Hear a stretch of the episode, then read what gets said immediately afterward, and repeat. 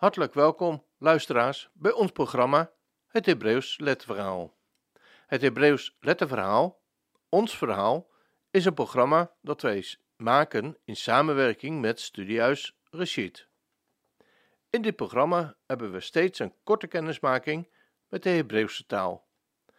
Het gaat niet om de taal op zich, niet om gegoochel met letters en getallen, maar om de taal, met letterbetekenis en getalswaarde, als toegangstaal tot de Hebreeuwse Bijbel, de schriftgeworden stem van Israëls God. Vandaag aflevering 18. Daarin gaat het over de jot, hand omlaag en omhoog.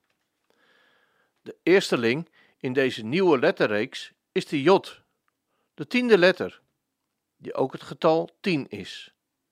Met de jot, deze eersteling, begint in feite een nieuw leven, als een nieuwe geboorte.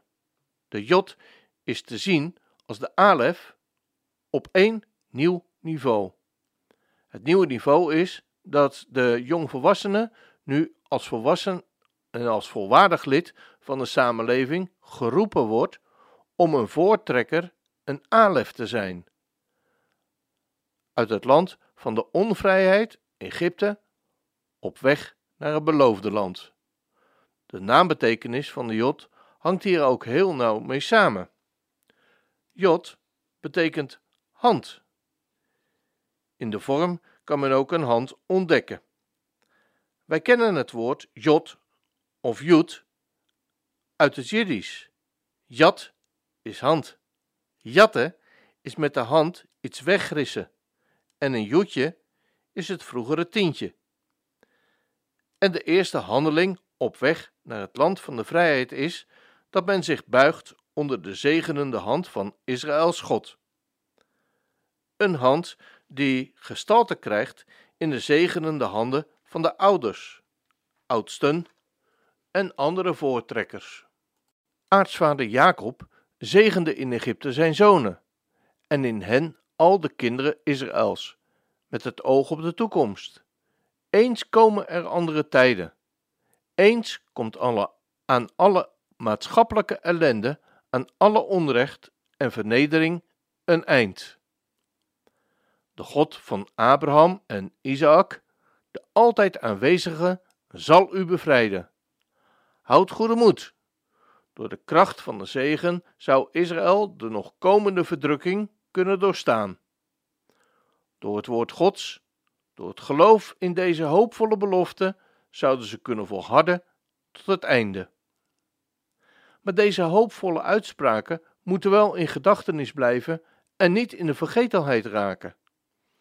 De gesproken godswoorden moeten voortdurend worden herhaald, opgezegd en opgezongen, in gebeden, liederen en lofzeggingen. Waar niet gedankt wordt, sterft de hoop, vervagen de beloftevolle woorden en slaat de toekomst dicht. Daarom moet met het oog op de uittocht uit het diensthuis niet alleen de jot, de hand, omlaag zegenend, maar ook omhoog, de opgeheven handen als teken van dankzegging en lofprijzing. Wie dank zegt, wie God bedankt voor zijn belofte, terwijl hij of zij nog midden in de ellende zit, trekt die belofte als het ware naar zich toe, eigent ze zichzelf toe.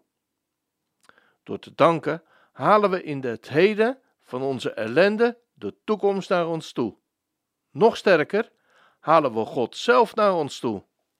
Want Hij troont op, op onze lofzangen, zegt Psalm 22, vers 4. In, de, in onze wanhoop vragen wij: waar is God? Waar is Hij bij zoveel ellende en uitzichtloosheid? Hij is daar waar Hij gedankt wordt. Hij is daar waar onze handen omhoog gaan. Lofzingend tegen alle zichtbare feiten in, houden we zicht op de toekomst, op het land van de vrijheid, waar ieder mag wonen onder zijn eigen wijnstok en vijgenboom.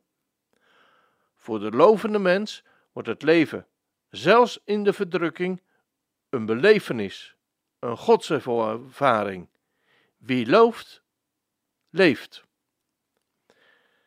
De naam voor de meest gezegende onder de zonen van Israëls is Jehuda, Juda, waarvan ook de naam Jood is afgeleid.